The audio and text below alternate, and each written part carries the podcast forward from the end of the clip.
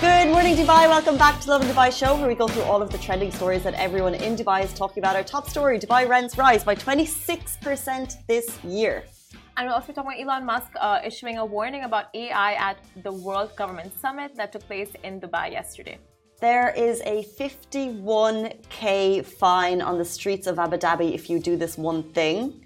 And uh, of course, one of South Africa's biggest comedians is coming to Dubai, so all the details on that. And do stay tuned because later in the show, we're going to be joined by a 12 year old racing driver, Ray El Haber. He is award winning, doing the most in his racing car career. But before we get into all of that, uh, Simran and I had an absolute blast five minutes before the show because we found a conversation on Reddit.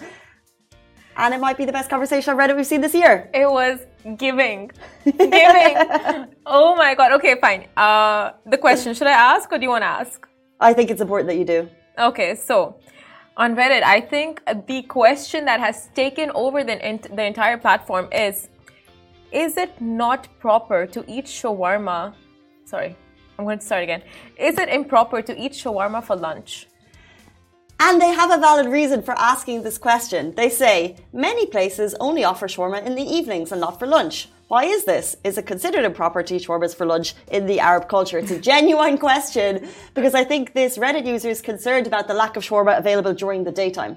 That is on point because it's true a lot. Like literally a majority of the cafeterias and uh, restaurants out there, they only serve and make and prepare shawarmas evening onwards. Uh, but the comments are so funny. You guys, Reddit is so giving. So it's like you start scrolling and people are just like, at first, they're genuinely answering the question. They're like, yeah, it's fine, eat it whatever you want. Until Raider jumps in and he says, it's if you commit such an act of hearsay, the secret shawarma police are deployed to eliminate you. Even talking about them is dangerous. So I appreciate. so I hope you appreciate the risk I took by reveal.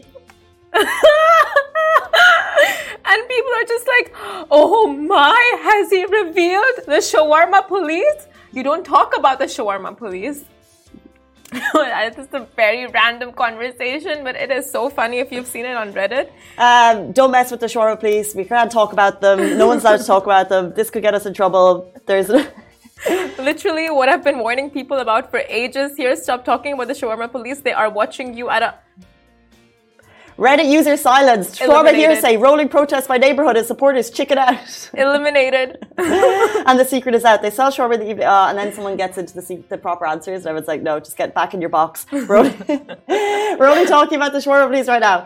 Um, however, let's go back to the key question: Why is there less shawarma during the day? I have a response. Oh, you do. You have an answer. I have a. I have a, a suggestion. What? Because the only real way to eat shawarma is if it's doused in that garlic aioli, like aioli, like you know, and it's too much for the middle of the day. Too much flavor in your mouth. it's too much garlic in the middle of the day, so you have to wait till the evening, or you could like offend your colleagues with your garlic breath. You know what? You're so smart. I'm sure that's why, but and uh, so, if that is a concern and you guys are really, you know, craving a shawarma during the day, just opt for a falafel, a nice veggie wrap instead of a shawarma. Oh no, shawarma is so good with all the garlic. It's great. You can put garlic in the falafel wrap. It's almost the same thing. This is Simran's platform for promoting vegetarianism. um, either way, uh, get on to Reddit because that's a great conversation. Let's jump into our top story that's concerning residents today. Dubai rents shoot up by 26% this year. It has been a great year to be working real estate in Dubai, not so much if you are house hunting. Dubai's property market has picked up a strong post COVID recovery with an outstanding sales performance in 2022. So, like we said, if you're on the Dubai Hustle Show, you're doing well. This has been supported by the sharp increase in Dubai's off plan and secondary property sales, which pushed the market to a record new high with the highest number of transactions and the highest value of transactions, according to the latest Property Finder report. Uh, so what does that mean for me and you and Casey and everyone involved? So in 2022, tenants changed their behavior, preferring owning a home instead of renting, driven by the surge of an average market value of 25%. Now, the average rent prices for apartments rose by 25% in 2022 in comparison to 2021, and while villa rents increased by 26%. So there you go. And I think a couple of days ago we talked about the most desirable hoods that people are looking at. Uh, we looked at top five for villas, top five for apartments. So the kind of like Palm Jumeirah area, Business Bay, downtown, all of that for apartments. And then for villas, it's Arabian Ranches one, two, and three who even knew there were three? uh, Dubai Hills Estate and Palm Jumeirah. Uh, but the latest is if you are looking for a new place this year, expect that sharp rise. And they say that will be sustained. So they're actually not expecting a dip in the coming months. That's going to stay. So if you are in a place, I would recommend staying there. And if your landlord tries to raise, uh, your rate by 26%. They cannot do that because the laws are with you as a tenant according to RERA.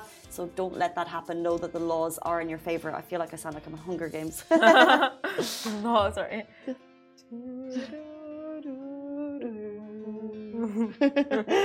we see you tenants. Do not let them raise it by 26%. They can't do it. Do not volunteer as tribute and leave your house. Stay put.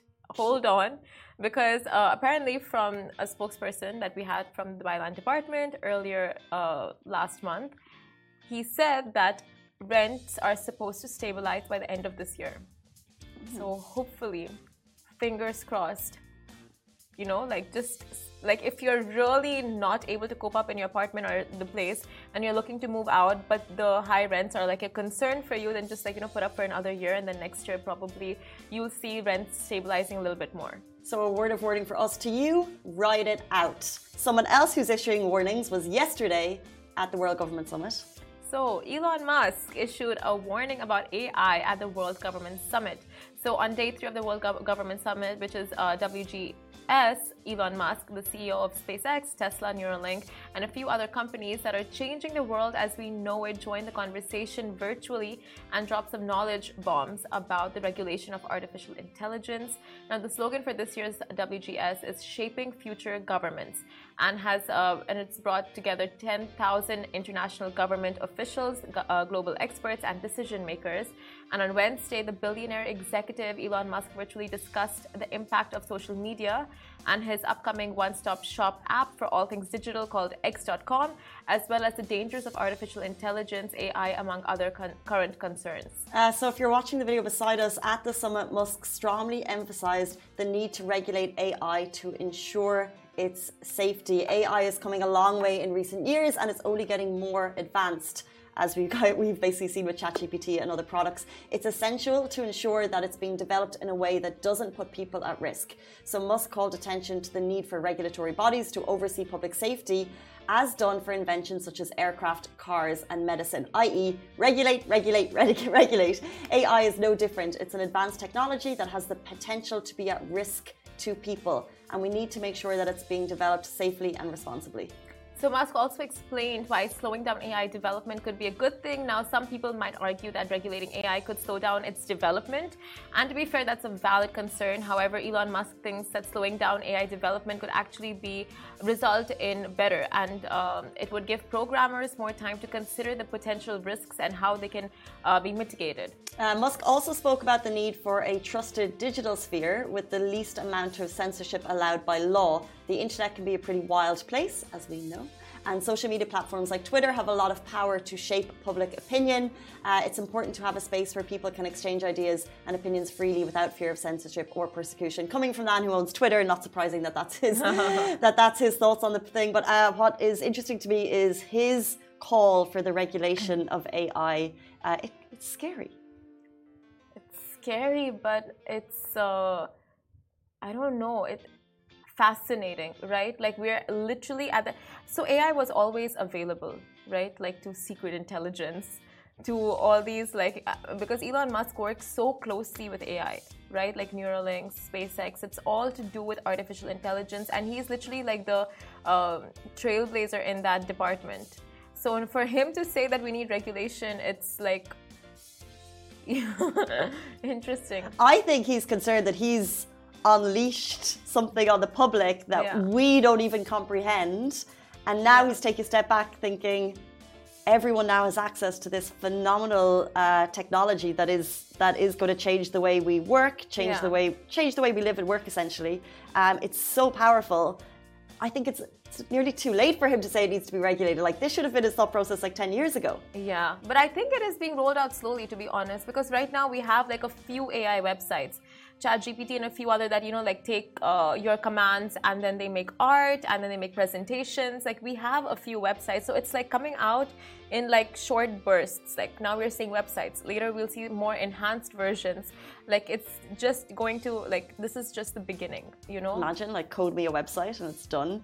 Wow. So either we can look at it as a super scary technology or it's like a fancy calculator a very fancy calculator. You know, this really reminds me of that AI whole, uh, like, there was a video that was generated by AI of, like, the evolution of humans from apes to uh, sapiens and then to robots and then to buildings and then to concrete. It was just like, I feel like it's actually happening. We're mm. going through that right now. Uh, well, that is the latest from the World Government Summit. uh, it's beyond me. Um, yeah. Something more in my sphere of understanding. Uh, it's a 51,000 dirham fine for jumping a red light in Abu Dhabi. You have been warned running a red light in the capital could land you a 51,000 dirham fine. This is actually has been uh, ongoing for a couple of years. It's a reminder, and there's some slight changes in terms of the number of days. So the fines on Abu Dhabi roads differ to Dubai, and they are particularly strict, famously particularly strict. Now, the actual fine for running a red light is 1,000 dirham. However, motorists who jump a red light will also be subject to the following criteria. So a 1,000 dirham fine, 12 traffic points, your vehicle will be impounded for 12 days, and then you will need to pay 50,000 dirhams to release your impounded vehicle. Now, that is the lowdown on this car situation in Abu Dhabi, and that is a lot of money. 50,000 dirhams for jumping a red light. You just have to be so. I mean, this goes without saying, but you have to be vigilant on the road regardless. But now knowing that the fines are and the consequences are so severe, I think it'll make people all that more, you know, just careful when out there. 100, like it would make me nearly reconsider driving to the capital. Uh, the driver's license will also be withdrawn yeah. for six months. As well as that, the vehicle will be impounded until the full fine uh, for releasing the impoundment has been paid. So your vehicle will be impounded until you've paid that 51k to get it out. It will just make you really, really reconsider um, your behavior on the road. But you may think that this is a big amount, right? But then when you really consider why they've put this into place and all on all the lives that are endangered when someone jumps a red light, like it can be so fatal. So this fine is literally nothing like when you compare to the cost of someone's life. So true. And Abu Dhabi police regularly share this really kind of shocking footage of uh, poor road behavior. And it's obviously, they put in these super strict fines for a reason. It's necessary. They see a lot of kind of uh, unwanted behavior on the road. Exactly. There are a lot of accidents, so they have to put these in place. And the, uh, there's yeah, there's a cause for it, and there's a cause for concern, so it's needed. Um, but yeah, it will definitely make you reconsider uh, your driving style in across the UAE, not just Abu Dhabi, hopefully. Of course, your driving style, like anywhere in that case. Um, also, uh, our next story one of South Africa's biggest comedians is coming to Dubai. So get ready for a night of lols because we have got an amazing stand up show for you. The hilarious South African comedian Mark Lottering is bringing his incredible show, Uncle Mark, to Dubai for one night only on February 24th at the Theatre Mall the Emirates, brought to you by Blue Blood. And if you're a fan of comedy, you definitely do not want to miss this one. He's best known for making people cry with laughter for over two decades and has sold out shows everywhere from South Africa to Australia. So his humor is relatable and he draws from his own life experiences. If you've watched the show, you'll know all about it. Uh, basically, from wrinkles being a sign of a well lived life. Mm-hmm feel you. Uh, to keeping a medicine cabinet full of bottles to stay healthy, yes. Uh, so mark your calendars for February 24th at 8:30 p.m. You can get your tickets now, starting at 150 dirham. They're available on Platinum List. And a reminder that you've got to be over 18 and above to attend this event. Now, Lovin Dubai is a very proud media partner of this event. We love stand up. This is brought to you by the incredible team at Blue Blood. We're very excited about this one. Get your tickets on Platinum List. And that is all we have time for in terms of our news. But join us very, very shortly. We're going to join by a 12 year old racing car driver who's winning awards across the country. Stay tuned. Welcome back to the Lovin Dubai show. Sit tight, fasten your seatbelts, and get ready for this adrenaline-filled conversation. Our guest today is a 10-year-old race car driver who's making a name for himself in the racing world. Just as recently as last week, he won two trophies. Welcome to the show, Ray El Haber. Thank you so much for joining us. Thank you. Firstly, how did you get your driver's license? Because from what I know, the age is 17. I don't know because I think um, when karting, driver's license you're allowed to get when you're five or above. Mm. So when did you start driving? I started driving when I was six. Okay, so you've been doing this for a very, very long time. so tell us about school. Are you bunking school today? Do they know you're here? Uh, well, today there's no school because um, we're on a weekend. Right. Are your friends watching? I don't know. You don't know. what school are you in? In Dubai American Academy, DAA. And how do you? Uh, how much training do you have to do for your driving? Uh, well, uh, I used to train like two times a week, but in the championship, you don't really train a lot because now I'm in the championship. So I train when there's a race coming up. Like in the week where uh, there's a race, I train. Because last year I trained twice a week because I was training for the championship because I wasn't in it. So you've all okay. So racing, right? Like, w- when did you try it? When are you like, okay, mom, dad, I want to do this forever. Like, I want to make this my career. Like, how did that happen? Because when I was a kid, I always loved cars. I always asked uh, to, for toy cars on my birthday and Christmas. I always played with cars. And um, um, once when I was four, my dad took me to an F1 race. And then after that, uh, uh, when I was five, I went to watch uh, my friend Connor in karting. And then I really liked it. So then I asked my dad to start racing. And then we st- I started karting. Can you remember your first race? Uh, my first race, uh, I think that was in Dubai. I got third in Bambino. Wow. So, what was the most challenging race you've had? The most challenging race I've had was in the O Plate with Jensen Chalk because he's number nine in the world championship. So it was really challenging. And I started crying when I lost because I got second. Till the last corner, I spun and then I got third. But this uh, this guy named Achilles, he got a bumper penalty, so I got second. And are these all in your age group? Yeah. And then do they all come to uh, Dubai to race, or where do you go? yeah, I come to Dubai to race, but uh, uh, my dad got a message uh, from people who they, they race in Europe. They asked me if I can race in Europe in the World Championship. That's amazing. Wow, you must be so excited. so, are you preparing for that right now? Yeah. Yeah. And uh, what are some really cool racing terms that you've learned? Like you just said, bumper car. yeah, like a bumper is when it's called the nose cone. It's like when you hit a car really hard and like they go like this. Uh, so that causes you to get a bumper because there's something called a neck brace. If you don't have it, your head can go like this and you can damage your neck. Okay, so have you had any like uh, scares when you were racing and you're just like, There's many types of penalties, like when you tramline infringement. When you there's like these two lines, you have to stay in between them, or because if you go out when you're starting the race, but it's only at the start. If you go out uh, um, a bit, if you go out two wheels, you get a three second penalty. You go out four wheels, you get ten seconds. are you not scared of getting injured? No. No. That's brave. I want to just, for anyone watching, I want to tell everyone how amazing you've done so far. Okay, so Ray has won first position last week in two international races at Yas Marina Abu Dhabi. Coming first in both races is part of the Rotax Max Challenge Championship. He also won second position in the Dubai Oplate 2023 international race. He won first place in Muscat race 2022, second place in the Al Ain race in 2022. He's won the UAE Bambino Championship, which you said in 2020, and fourth place the Dubai O Plate in 2019. So it's wins after wins after wins, like top top five every time. it's amazing. Congratulations. And you don't you Simon said you don't get scared? No.